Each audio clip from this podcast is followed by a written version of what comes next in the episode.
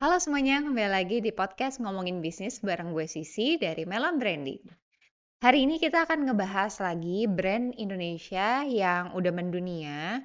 Kita balik lagi ya ke tanah air kita, karena ini juga bulan kemerdekaan gitu ya. Kita pengen mendalami brand Indonesia yang bagus bahkan udah go internasional.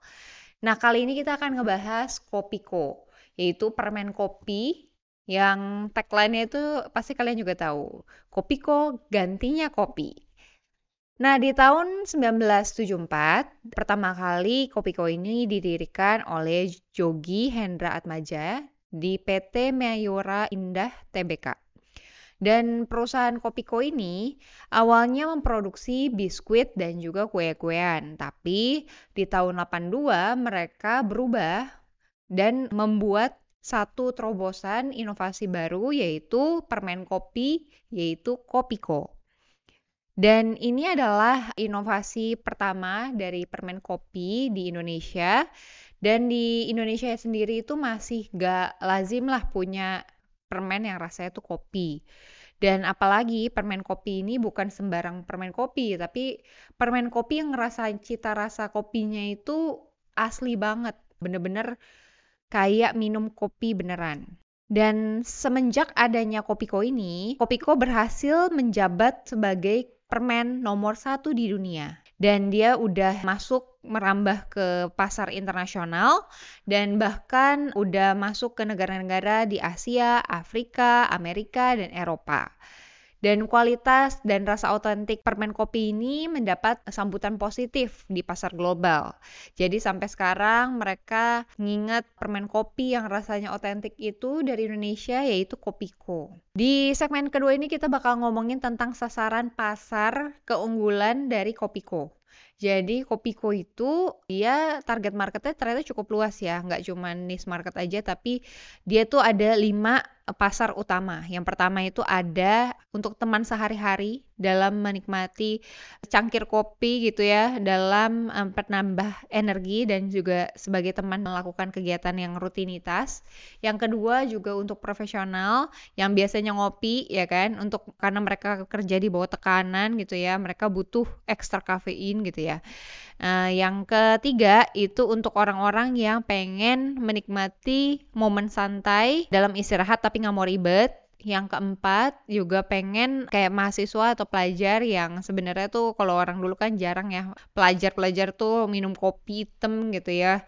Nah mereka tuh membuat kopi kue ini untuk yang versi lebih mildnya dari kopi teduh zaman itu gitu. Dan yang kelima itu ada rasa kopi yang otentik untuk para pecinta kopi dan juga tradisional gitu. Jadi mereka rasanya tuh mirip banget sama kopi sampai bisa ngegantiin kopi tapi bentuknya permen. Dan menurut gua secara pribadi ya yang buat Kopiko ini tuh kayaknya berpikir lateral banget dan kita udah pernah ngebahas tentang lateral thinking di podcast-podcast kita sebelumnya. Mungkin kalian bisa lihat di episode sebelumnya. Tapi intinya lateral thinking itu tuh membuat orang berpikir yang tidak secara vertikal atau secara runut. Jadi mereka bisa mendapatkan alternatif pemikiran mereka yang jauh di luar dari cara pola pikir orang pada umumnya dan kebiasaan yang sudah diajarkan secara tradisional. Dan kalau di zaman itu ya kita ngomongin di tahun 82 atau 74 ya kan Pak Jogi Hendra Atmaja ini pas pertama kali bikin usaha ini mungkin dia dapat ide tentang bisnisnya gitu ya tapi kan di saat itu gitu ya di saat itu orang umumnya kalau minum kopi itu pasti nyeduh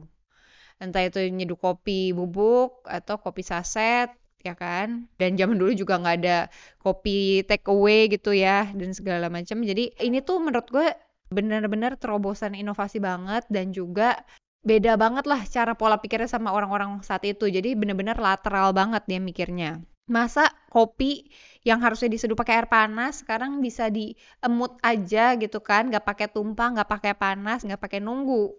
Tinggal minum kopi pakai yang bentuknya tuh permen gitu. Jadi keren banget pola pikirnya menurut gue. Dan keunggulan dari Kopiko ini, selain dari rasanya otentik dan juga mendekati banget kopi aslinya, permen ini juga memiliki energizing yang segar. Jadi membuat konsumen tuh suka dengan rasa kopinya dan juga bisa dikonsumsi kapan aja. Dan mudah dibawa, memiliki varian rasa seperti varian susu dan juga ada terbarunya itu yang Kopiko Brown Coffee. Nah, jadi selain itu kita juga pengen ngebahas tentang strategi suksesnya dari Kopiko ini kita karena kita ada di branding agency, kita pengen ngebahas nih strategi bisnis mereka tuh apa sih? Nah, yang pertama itu mereka memastikan ketersediaan produk di berbagai saluran distribusi. Jadi mereka tuh nggak cuman pemasaran, pemasaran, pemasaran, promosi gitu kan, masukin TV, masukin radio segala macam, tapi mereka juga memastikan barang mereka tuh gampang dicari. Misalnya kalau zaman itu dia masukin ke supermarket, minimarket, gerai kopi, outlet, warung mungkin ya kan. Jadi memang mereka mikirin saluran distribusinya dulu. Jangan sampai dia udah promosi getol-getolan di mana-mana, barangnya nggak ready. Mereka mau cari susah.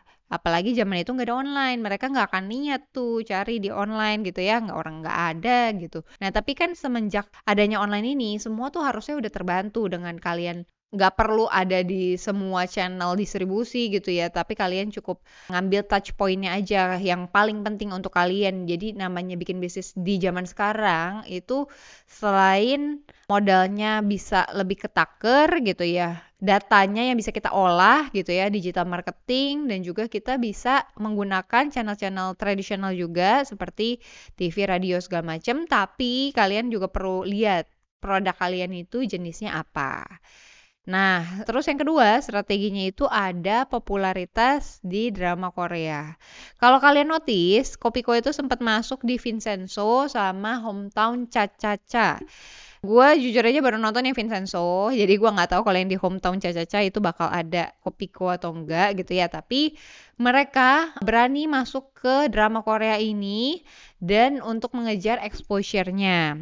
Dan biar mereka brandnya itu juga tetap ngikutin hype-nya gitu ya. Karena kan Kopiko ini tuh brand lama ya kan dia nggak mau sampai dikatain jadul gitu dia nggak mau sampai dibilangin ketinggalan zaman jadi dia ngikutin zaman dengan cara dia masuklah ke drama-drama Korea ini yang tentunya anak-anak zaman sekarang tuh nonton pasti dan mereka ini mendapatkan exposure yang signifikan dan menciptakan pembicaraan di kalangan penonton dan yang ketiga ada strategi memperkuat branding. Nah ini yang paling penting menurut gue gimana caranya kita promosi marketing sana sini tapi brand kalian tuh nempel di otak mereka. Jangan sampai kita boncos cuman karena kita ngiklan ngiklan ngiklan mereka ngerasanya ketemu produk yang berbeda terus-terusan atau mereka ngerasa gak nempel nih brand kalian karena identitasnya tuh berubah-berubah terus setiap kali kalian ngiklan gitu kan.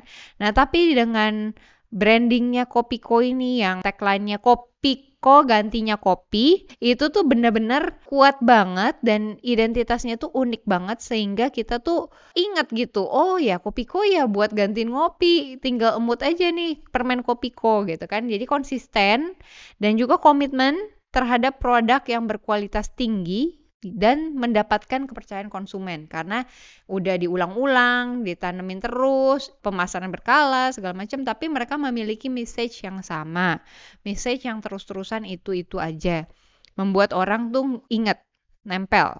Yang strategi keempat itu adalah inovasi. Yang tadi gue udah bilang, dia tuh ada yang kopiko hitam, ada yang kopiko susu, ada yang kopiko brown coffee gitu. Jadi mereka tuh nggak mau sampai orang bosen sama produk mereka. Walaupun yang kejualnya itu pasti lebih banyak yang kopiko original gitu ya. Tapi mereka bikinin ada option-option lain supaya orang tuh nggak bosen dan pengen cobain lagi dan ngerasa fresh lagi dengan brand tersebut. Dan mengikuti tren pasar dan merespon preferensi konsumen.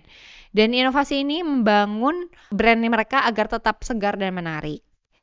Bahkan di gak cuma di lokal tapi juga di pasar internasional. Yang kelima adalah strategi promosinya. Dengan menggunakan media tradisional, dan platform digital mereka combine menjadi satu dapat membangun hubungan yang erat dengan konsumen dan meningkatkan brand awareness dan memper, mempertahankan loyalitas customer. Jangan sampai kita udah coba nih ya ngiklan sana sini, tapi kita nggak membuat CRM, kita nggak membuat uh, koneksi yang kuat dengan konsumen, kita nggak engaging dengan orang yang kita iklanin gitu ya yang ada orang tuh paling males kalau gitu tuh udah jualan jualan jualan terus. Kita nggak mikirin tentang mereka puas nggak dengan barang kita atau jasa kita. Mereka cuma tahu kayak ah dia tampil di mana-mana segala macam tapi nggak meningkatkan kualitas mereka gitu. Terus mempertahankan loyalitas konsumen juga. Dan ini agak susah ya untuk brand yang umurnya tuh udah puluhan tahun, pasti ada aja orang yang komplain atau menemukan misalnya ada cacat produksi atau apa gitu ya. Tapi mereka bisa mengatasi itu semua dengan PR yang bagus, mereka juga dengerin masukan-masukan dari konsumen dan memperbaiki itu. Terus-menerus secara konsisten sampai kuat hingga sekarang prestasi apa aja sih yang udah didapetin dari Kopiko? Strategi ini memberikan peningkatan brand awareness dan juga penjualan yang lebih tinggi, ekspansi pasar, kredibilitas, dan juga kepercayaan konsumen. Dengan serta peningkatan loyalitas konsumen, sehingga si Kopiko ini, permen kopi ini udah mendapatkan penghargaan bergengsi seperti top brand dan juga super brand. Dan ini adalah bukti pengakuan atas kualitas dan popularitas Kopiko. Jadi menurut podcast kita hari ini, kita melihat uh, bagaimana si Kopiko ini berhasil menerapkan branding mereka, pemasaran mereka secara cerdas dan efektif. Dan mereka memahami benar-benar pasar mereka, mereka menginovasikan produk mereka, dan mereka selalu memperkuat branding mereka entah itu dia udah puluhan tahun segala macam tapi mereka nggak lupa untuk merefresh lagi brand mereka. Dan juga mereka melakukan promosi yang pastinya intens menjaga kualitas juga. Jadi apa sih yang kurang dari Kopiko ini? Mereka masih terus berinovasi setelah puluhan tahun jadi kalian jangan sampai kalah, mentang-mentang kalian misalnya udah jalan gitu ya 5 tahun, 10 tahun, belum ada apa-apanya bahkan kalian masih bisa ketinggalan. Karena dengan kita continue untuk inovasi, continue untuk bikin produk baru segala macam, membuat orang tuh stick lagi dengan produk kalian. Dan juga stick sama brand kalian. Kalian akan menjadi top of mind kalau kalian konsisten terus-menerus dan kalian juga jangan lupa untuk retargeting dan mereka juga pengen si Kopiko ini ya, pengen kesuksesan di pasar lokal dan internasional ini bisa menjadi bukti bahwa strategi yang matang dan juga customer oriented gitu ya, kepuasan pelanggan itu adalah kunci utama dalam meraih prestasi dalam dunia bisnis. Nah, itu yang kita udah kupas gitu ya dari Kopiko. Semoga kalian suka dari podcast ini. Kalau misalnya kalian pengen ngebahas brand lain atau perusahaan lain gitu ya yang pengen uh, kita kupas di podcast ngomongin bisnis ini, please komen di bawah. Jangan lupa juga kalau kalian butuh jasa branding, marketing, atau konsultasi tentang bisnis, kalian bisa langsung ke website kita di melambranding.com. Sampai jumpa di podcast selanjutnya. Dadah! Aduh, mau first date tapi rambut geradakan banget. Eh, tenang-tenang. Hair Care Studio bisa nyulap rambut geradakanmu jadi oke okay waktu first date.